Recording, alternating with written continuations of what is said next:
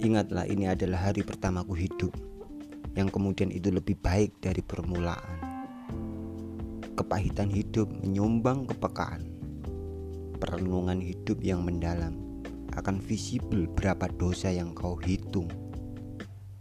Mungkin ingat bahkan lupa Aku tak kuat di neraka Tapi aku tak pantas di surga. Di depan atau di belakang kita harus bayar.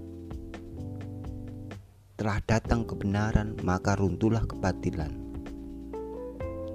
Sebelumnya aku hanya mendengar teriakan dan cerita di telingaku yang bodoh dan sia-sia. Tapi sekarang aku belajar mendengar keheningan